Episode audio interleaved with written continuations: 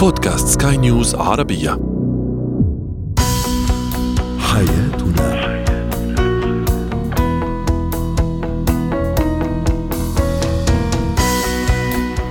أهلا بكم مستمعينا الكرام إلى حياتنا برنامجكم اليومي الذي يعنى بشؤون الأسرة وباقي الشؤون الحياتية الأخرى والذي يمكنكم الاستماع إليه عبر منصة البودكاست لسكاي نيوز عربية. معي أنا طيبة حميد.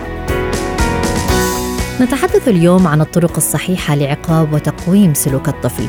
وفي هو وهي نتحدث عن فترة الخطوبة وكيف نتجاوز منغصات هذه الفترة. ونسلط الضوء أيضا على الشخصية السامة. من هي؟ وكيف نتخلص منها.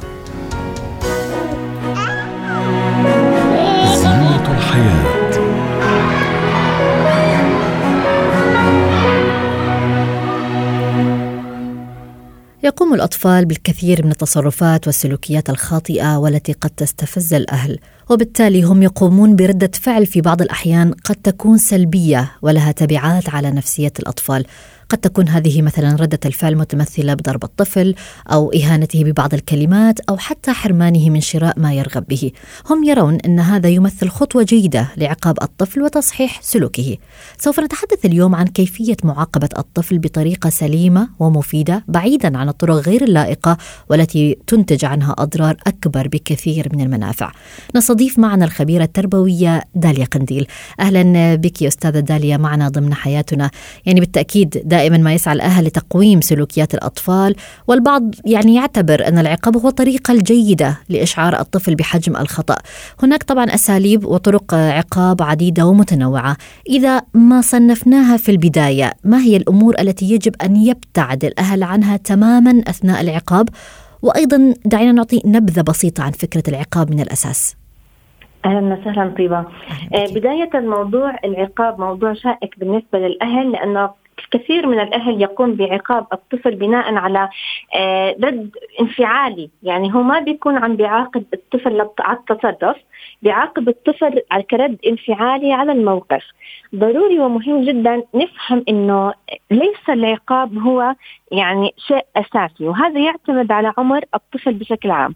لنفترض إنه مثلا عمر الطفل ما بين سنة أو سنتين. بهاي المرحلة إحنا ما بنلجأ لعقاب الطفل أكثر ما إنه بنستخدم التعزيز السلبي، يعني مثلا الطفل آه، مثلا آه، كسر صحن. هو بالمقابل لسه ما عم بيعرف كيف يتعامل مع ال- الأحداث المحيطة فيه. فإحنا بنستخدم مثلا التعزيز السلبي إنه إحنا نشيل الأشياء اللي ممكن تأذي الطفل أو تضره بعيدا عنه. فهذا الشيء بالمقابل آه، بيخلي الأهل عندهم قدرة على ضبط الانفعال وإنهم ما يتصرفوا بطري- بطريقة خاطئة مع الطفل. نعم. هل يجب آه، مثلا نعم. يعني هنا أود أن أسألك يعني أستاذة دالي هل يجب تحديد أو وضع قوانين وشرحها للطفل قبل إيقاع العقوبة؟ بمعنى حتى لو كان الطفل صغير في العمر كما تحدثتي مثلا هل يفهم هذه القوانين أو نستطيع أن نوصلها إليه؟ هلا بشكل عام إحنا يجب أن نضع قوانين الانضباط ولكن بهذا العمر ما بدنا يكون في عندنا توقع انه الطفل يطبقها. يعني كل مرحلة لها يعني كل سن من سنوات عمر الطفل في لها طريقة تعامل. فبهاي المرحلة خصوصا ما قبل السنتين نستخدم التعزيز السلبي بأنه إحنا نبعد الأحداث عن الطفل. جميل. لحتى ما يكون في آه، ضرر عليه بشكل عام وحتى ما نتصرف بطريقة خاطئة. هذه هاي مرحلة نتعامل في التعزيز السلبي. بعد عمر السنتين مثلا نستخدم آه إنه إحنا آه نكون مستوانا قريب من مستوى الطفل ونعلمه القوانين والانضباط. يعني بعد عمر السنتين نبدأ إحنا ممكن الطفل يستجيب للقوانين والان- والانضباط بشكل عام لما إحنا نعطيه هاي القوانين. قبل هيك ما لازم نتوقع من الطفل إنه يكون عنده قدرة على إنه هو يستوعب هاي القوانين وال- والانضباط بشكل عام. جميل. هناك أيضا من يعاقب الطفل مثلا بأسلوب الحرمان من ممارسة هواية يفضلها كاللعب أو السباحة وما إلى ذلك. هل باعتقادك هذا العقاب صحيح؟ حسب الحالة. يعني في بعض الحالات إذا كان الشيء مضر للطفل مثلا أنه بعض الأطفال آه، عندهم إدمان على مثلا على ال- الألعاب الإلكترونية عندهم إدمان على آه، استخدام ال- الوسائل الاجتماعية وما إلى ذلك. إذا كان الشيء بيحقق ضرر على الطفل نعم هنا يجب الحرمان ولكن بتقديم بديل إيجابي. جميل نقدم بديل ايجابي وهذا الشيء بشكل عام بيكون بعد عمر الثلاث سنوات. يعني بيكون الطفل بدأ إنه يعني يظهر شخصيته بدأ يتمرد بدأ إنه هو آه، بده يبحث عن الاستقلالية. هون الأهل يجب أن يكون في نوع من الحزم. نعم. يعني يكونوا حازمين لمصلحة الطفل. وإحنا بنفهم الطفل إنه إحنا عم بنعاقب السلوك ولا نعاقبك كشخص. أنا أبقى أحبك لأن بعض الأطفال بصير عندهم آه، مبدأ التعميم إنه والدي أو والدتي ما بيحبوني لهيك هم عم بيعاقبوني. وكثير مهم إنه إحنا ما نشتم الطفل أو حتى نستهزئ فيه أو نسخر منه أو حتى مثلا نحكي للطفل أنا ما بحبك لأنك أنت عم تتصرف هيك أو تصرف هيك عشان أحبك. إحنا ما بنقرن الحب مع العقاب. إحنا بنفهم الطفل إنه أنا عم بعاقبك على سلوكك. يعني هذا تصرف خاطئ.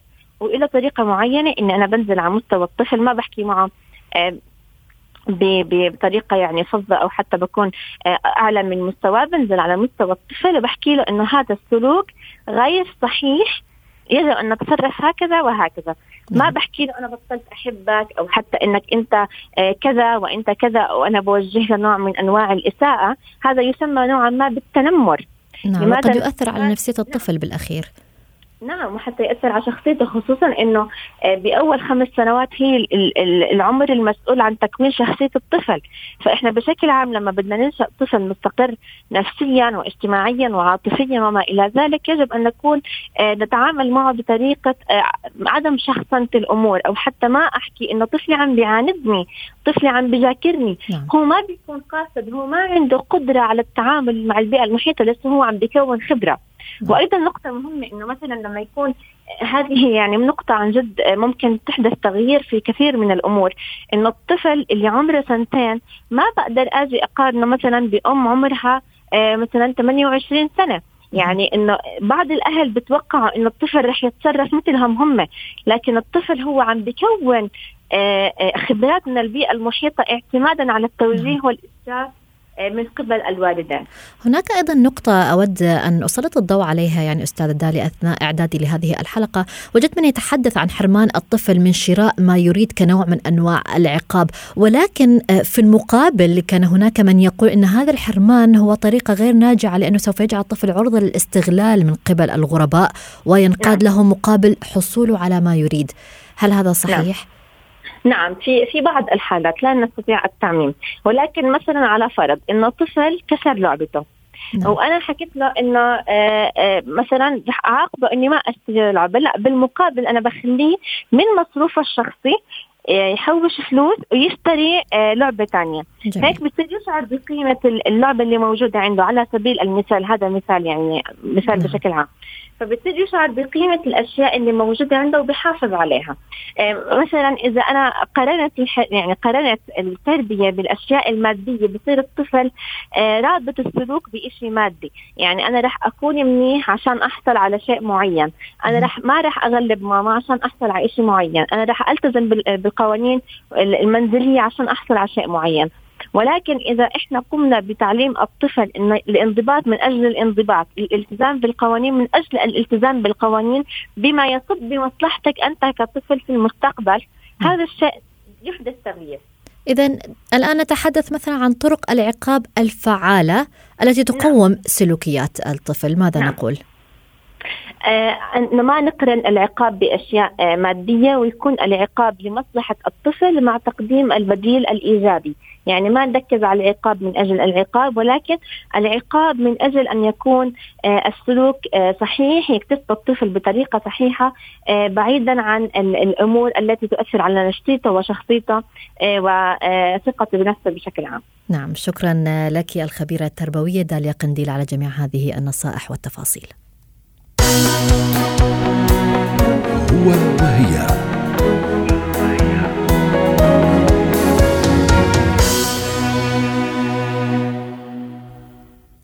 إدارة فترة الخطوبة هي من الأمور المهمة التي تحتاج إلى الكثير من المعرفة والحكمة لضمان الاستمتاع بإحدى أفضل فترات الحياة للشخص.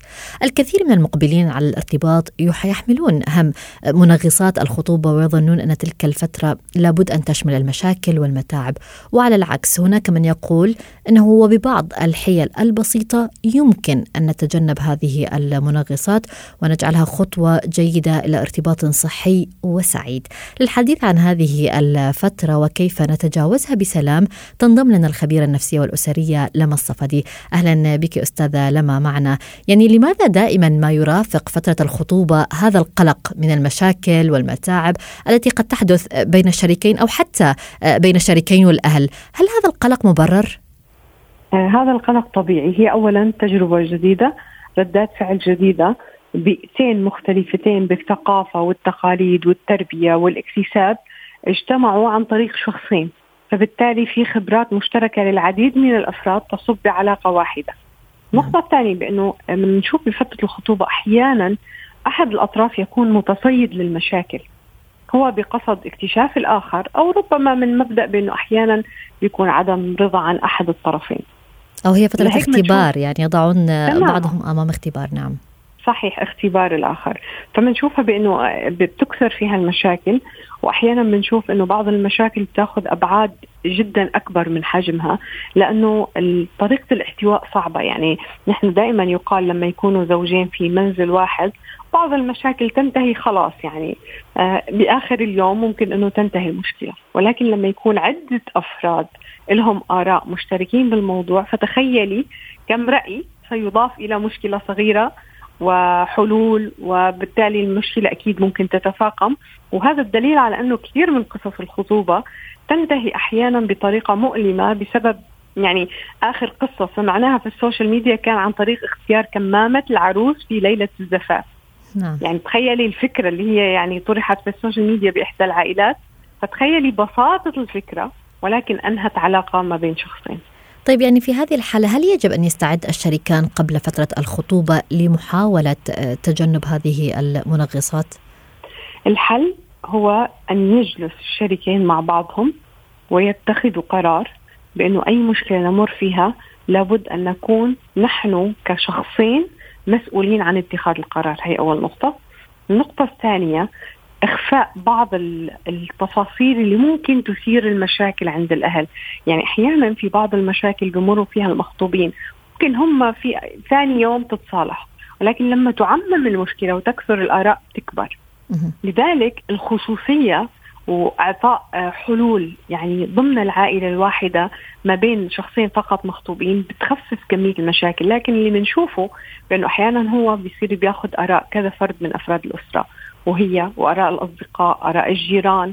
فهون تتفاقم المشاكل وتصبح المشاكل إلى عدة طوابع لأنه هون تخرج عن إطار بأنه هي علاقة بين خطيبين. نعم. هل ينصح مثلا بفترة تعارف بسيطة تسبق الخطوبة؟ هلأ هي المفروض فترة الخطوبة تكون هي فترة هذا التعارف ولكن لو كان آه، يعني لا فرق ما بين التعارف والخطوبة ربما الفرق بين أحيانا فترة التعارف بتكون هي محصورة بين الشريكين يعني بين الشاب والفتاة دون نعم. علم الأهل ولكن أنا لا أعتقد بأنه هو المهم فترة التعارف المهم القواعد السليمة جميل. لأنه هاي القواعد تستمر مدى الحياة وأعطيك دليل بأنه في كثير من العلاقات الزوجية تفشل بسبب تدخل أمها أو أمه أو الأب أو الأخ أو صديقة فبالتالي لأن هي علاقة هشة من فترة الخطوبة صحيح. بالعكس رسالتنا اليوم لكل اثنين هني بفترة الخطوبة بأنه الآن أنت ترسم حياتك مدى الحياة. ارسمها بشكل صحيح. ضعوا خطوط حمراء حول علاقتكم. من يحق له التدخل ومن لا يحق له التدخل. آه بالتالي أنتم بتملكوا مفاتيح السعادة لباقي الأيام. كم يجب أن تكون هذه المدة؟ لأن هناك من تطول لديه هذه الفترة لأكثر صحيح. من سنتين أو ثلاثة. فهل هذا الموضوع صحي أم لا؟ أكيد لا. أكيد آه، كلما طالت فترة الخطوبة تكثر مشاكلها وبتصير العلاقة أقل لهفة.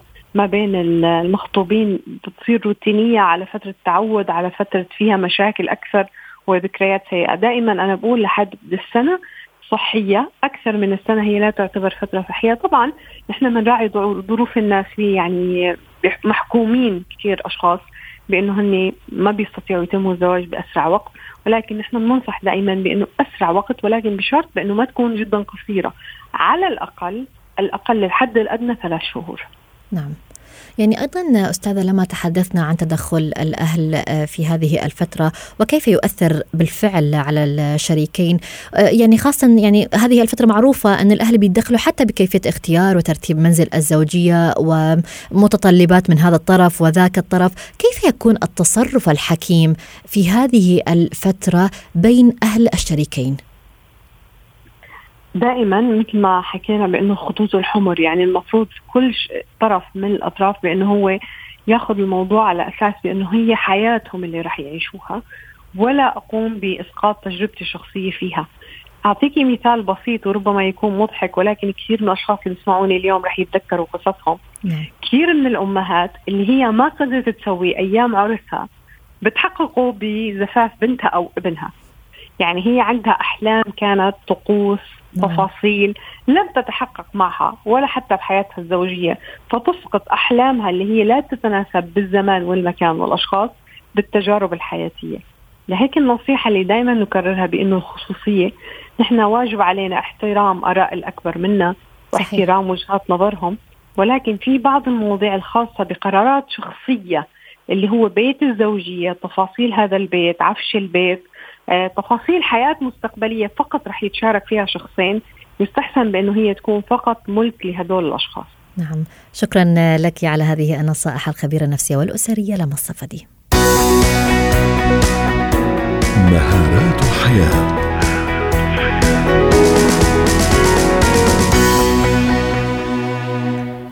هل عانيت يوما ما من وجود شخصية سامة في محيطك؟ سواء كان هذا الشخص قريب لك أو زميل عمل.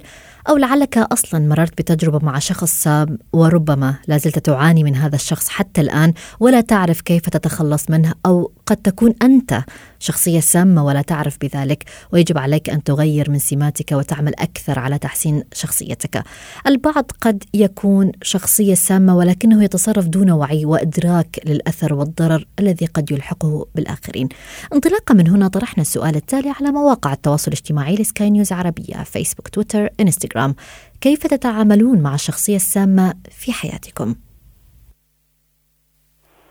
من ضمن التعليقات الواردة كانت لسارة التي تقول بالتجاهل. زيد أيضا علق وقال آه، نتعامل مع هذه المشاكل النفسية ونساعدهم على الإكثار من أفعال الخير. خالد علق وقال بالهجر الجميل وترك هذه الشخصية. أما تينا فقد قالت قد يكون الشخص السام هو قريب جدا منك لذلك يجب وضع الحدود الواضحة لحماية صحتك النفسية. إذا الحديث عن هذا الموضوع نستضيف مدربة مهارات الحياة نور هشام. أهلا بك أستاذة نور معنا ضمن حياتنا. يعني دعينا نعرف في البداية من هي الشخصية السامة وما هي علامات هذا الشخص؟ آه مرحبا فيك يا جميع المستمعين. أول شيء مثل ما قلتي آه، إنه واحدة من احتياجات الإنسان فعليا هو ان يكون دائما في علاقات اجتماعية ويكون في تواصل مع الآخرين. فمن الطبيعي جدا إن نقابل بحياتنا بعض الشخصيات اللي إحنا بنسميها اللي هي شخصيات السامة أو اللي لها أثر سلبي آه، على حياتها. فلا بد إن نعرف كيف نتعامل معها. وفعليا الإنسان هو عبارة عن ناتج لأكثر خمس أشخاص هو دائما على تواصل في محيطه. فلازم ينتقي هؤلاء الأشخاص ويبتعد عن الشخصيات السامه مثل ما قلتي طيب أنا كيف بدي أعرف إنه الشخص اللي معي هو شخص سام أو لا؟ فعليا في سبع أنواع أساسية للأشخاص السامة اللي هم آه، آه، في كتاب السبع شخصيات اللي بتسمم حياتك آه، هاي السبع شخصيات هم اللي بنسميهم المتنمرون اللي هم بيسببوا الإيذاء للشخص اللي أمامهم. الشخص الغدار اللي بيغدر الشخص اللي اللي في بينه وبينه كان في بعض الأيام نوع من العلاقة. الفاشل الشخص الفاشل الشخص المتعالي أو المتكبر الشخص المسيطر. الشخص اللي دائما بلوم اللي أمامه والشخص المراوغ أو المتلاعب اللي دائما بيتلاعب آه، بعلاقاته. صفات هاي الشخصيات عادة بتكون إنه الشخص السام دائما في أغلب الأحيان بيظهر نفسه بدور الضحية. دائما في عنده سلوكيات بنسميها اللي هي الدرامية. ما بيقدر يتعامل مع أي شيء بضر في مصلحته. دائما بلوم الآخرين بلوم الظروف اللي عنده فبيعيش دور ضحية. الشخص السام دائما سلبي كثير الشكوى. آه، ما بيشارك أصدقائه إلا بالسلبيات إلا بالشكاوي. حتى لو كان في أمر جيد في حياته بيحوله إلى سلبية ويشتكي من هذا الأمر. عادة الشخص السلبي بيبتز الأشخاص اللي حواليه عاطفيا بيبدأ يستعطف الآخرين. وهو عادة بيقوم بهذا الشيء لحتى يخلي مسؤوليته من أي خطأ أو من أي أمر قد يحصل آه، من طرفه تجاه الآخرين. فبيبدأ يلوم الآخرين انه هم اللي أخطأوا في حقه ويبدأ يبتزهم عاطفيا. عادة الشخص الثاني هو اللي بيطلب الاحترام من الآخرين أو الحب من الآخرين. إحنا فعليا العواطف لا تشترى. يعني حسب ما أنت آه، احترامك لذاتك تخلي الآخرين يحترموك. ولكن الشخص الثاني هو يبدأ يستعطف الآخرين ويطلب منهم الاحترام يطلب منهم الحب. عادة بيكون استغلالي ما بيهتم إلا بمصلحته آه الشخصية. بده الجميع يعني زي مثل ما بقول يكونوا مسخرين لخدمته لتلبية آه آه مصالحه. عادة في عنده تشاؤم عنده نظرة سوداوية بيمتص طاقة ومشاعر الآخرين. لما يكون موجود في جلسة بتلاقي الجلسة حتى طاقتها لو حدا دخل من برا بيلاقي طاقة هاي الجلسة. فيها نوع من السلبية والتشاؤم بيستخف عادة بمهارات الآخرين. يعني لو وجد اللي أمامه شخص ناجح فهو يستخف من هذا النجاح ويبدأ يظهر العيوب في النجاح اللي أمامه. وهذا السبب عادة الشعور الدائم عنده بالغيرة بغار من الآخرين حتى لو من أقل الأشياء. ما بيشعر بالسعادة للاخرين يعني أستاذ نور هذه الصفات والعلامات التي تحدثتي آه، عنها وهي كثيرة. يعني لماذا يجد البعض صعوبة في ترك هذه الشخصية السامة؟ وهذه العلامات واضحة قد تكون صحيح؟ قصدك إنه الشخص السام ليش يجد صعوبه بإنه يخرج من هاي الصفات أو أو الشخص المقابل الذي يرافق هذه الشخصية السامة لا يستطيع أيضا التخلص منها خاصة إذا كان شخص قريب قد يكون شخص قريب جدا. تماما. عشان هيك إحنا لازم نفرق. لو الشخص السام هذا كان من الدرجة الأولى بحياتي فحيكون في له تعامل خاص يختلف عن الشخص السام اللي ممكن قد يكون معي في العمل أو في الدراسة أو مجرد زميل. هلأ لو الشخص السام مثلا ابن أو ابن زوج أو زوجة يعني آه، آه، أو أخت أو اخ أنا ما بقدر أتخلص منه. يعني مش يعني حتى لو كان هذا الشخص خلينا نقول ابني في عنده بعض الصفات قد يكون في عنده كذب قد يكون في عنده أنانية أو غيره. أنا ما راح أطرده من البيت أو أتجاهله. أنا هون لازم أبدأ أتعامل معه في أمور آه، التربية لها أمور خاصة، أما لو كان الشخص السام معي في العمل معي في الدراسة أنا ممكن إني أتعامل معه، فالخطوة الأولى إني أعرف صفاتهم عشان هيك أنا ذكرت الصفات، ما أنا لازم أحدد الشخص اللي أمامي سام أو لا، مش كل الأشخاص اللي حوالي سامة، فلازم أعرف صفات الشخص السام، لو هاي الصفات في هذا الشخص اللي معي اللي أنا ذكرتها متواجدة معناته هذا شخص سام يجب إني أبدأ أتعامل معه. طيب كيف بدي أبدأ أتعامل معه بحيث إنه ما يأثر على حياتي؟ بداية آه، آه، لابد أني أضع حدود ما بيني وبين هذا الشخص. ما أخليه يتدخل بأموري وحياتي الخاصة. يعني لو كان في بيني وبينه عمل حديثي معه هو فقط بالشؤون اللي تخص العمل. أبعده عن حياتي الخاصة. الوقت اللي أقضيه معه أخليه وقت قصير. أترك مسافة بيني وبينه. ما أقضي معه طول النهار أو طول يوم العمل. لو في مهمة بدي أنجزها معه أنجز المهمة وانتهى الأمر. أتعامل مع الموقف بنوع من الحكمة خلينا نقول. يعني أقيم الموقف. لو هذا الموقف اللي أنا حسيت فيه إنه هذا الشخص سام لو خلينا نقول لو استغلني أو كذب علي بشيء. لو حسيت إنه هذا الموقف فيه ضرر علي أو على اللي حولي فلا بد إني إيش؟ أعمل أت... أعرف أتعامل لهذا الموقف. ما أخليه هو يستفدني يستفزني. أضبط ردة فعلي تجاه هذا آه، السلوك اللي آه، اللي صدر منه. نعم. ما أخلي سلوكياته وسلبيته إني أنا أتحسس من كلامه أو من أفعاله آه، لأنه هو فعليا ما بيملك شيء غير إنه يحاول إنه يستفزني. فأنا ما أعطي هذا المفتاح ما اخليه يأثر علي سلبيا. فاعمل كنترول على مشاعري وعلى ردة فعلي تجاه هذا الأمر. لو كان في أنا شخص مضطر إني أتعامل معه فخليني أحاول أركز على ايجابياته أكيد في نوع من الإيجابيات. أو الأهداف المشتركة بيني وبينه أركز عليها هل يجب أن نبلغ هذا الشخص أو ننبهه على بعض هذه الصفات إنها سيئة أو مضرة. تماما. الخطوة اللي قبل ما إني أقطع علاقتي بهذا الشخص لو أنا عملت كل هاي الخطوات لابد إني هلأ يكون في communication أقول له إنه أنا متضايق منك أو آه، التصرف أو السلوك واحد اثنين ثلاثة أنا بيسبب لي نوع من المضايقة وما بحقده. فأعطيه التنبيه الأول ممكن التنبيه الثاني. لو استمر في هذا الفعل أبدأ بالتجاهل. ولو كان الموضوع قلنا غير اللي هم الدرجة الأولى فأنا قد ألجأ إلى قطع هاي آه، آه، العلاقة. ولو كان في العمل وما بقدر أقطعها بشكل نهائي ممكن ألجأ إلى مدير العمل أخبره إنه مثلا غير مجموعتي أو التيم أو الفريق تبعي. أو إنه خلص يقتصر الموضوع على العمل بشكل نعم. أساسي. والأهم من هيك إني أنا أركز على نفسي أنا والأهم من ذلك إنه أنا ما أكون الشخص السام. لأنه عشان هيك أنا ذكرت الصفات لأنه أنت حتعمل تقييم لنفسك وللاخرين اللي حواليك. باختصار شديد أستاذة نور ماذا لو كان الشخص هو الشخصية السامة؟ كيف يستطيع أن يعمل على تطوير نفسه؟ نصيحة بسيطة. آه، أول شيء يعي يعرف انه هو شخص سام يعرف هاي الصفات نعم. يسأل الآخرين كيف أنا لو, لو هم بيلاحظوا عليه هاي الأمور قد يلجأ لمختص انه هو يساعده في التخلص من هاي السلبيات ويبدأ يركز على ايجابياته ويركز على اهدافه ويركز آه، آه، على عمله ودائما يحيط نعم. نفسه بأشخاص اللي هم السلب الإيجابيين عفوا أو اللي بيرتقوا فيه يعني يخلي الدائرة اللي حواليه دائما دائرة متقدمة ويكون فيها تقدم ونوع من النجاح. جميل. شكرا لك مدربة مهارات الحياة نور هشام على جميع هذه التوضيحات.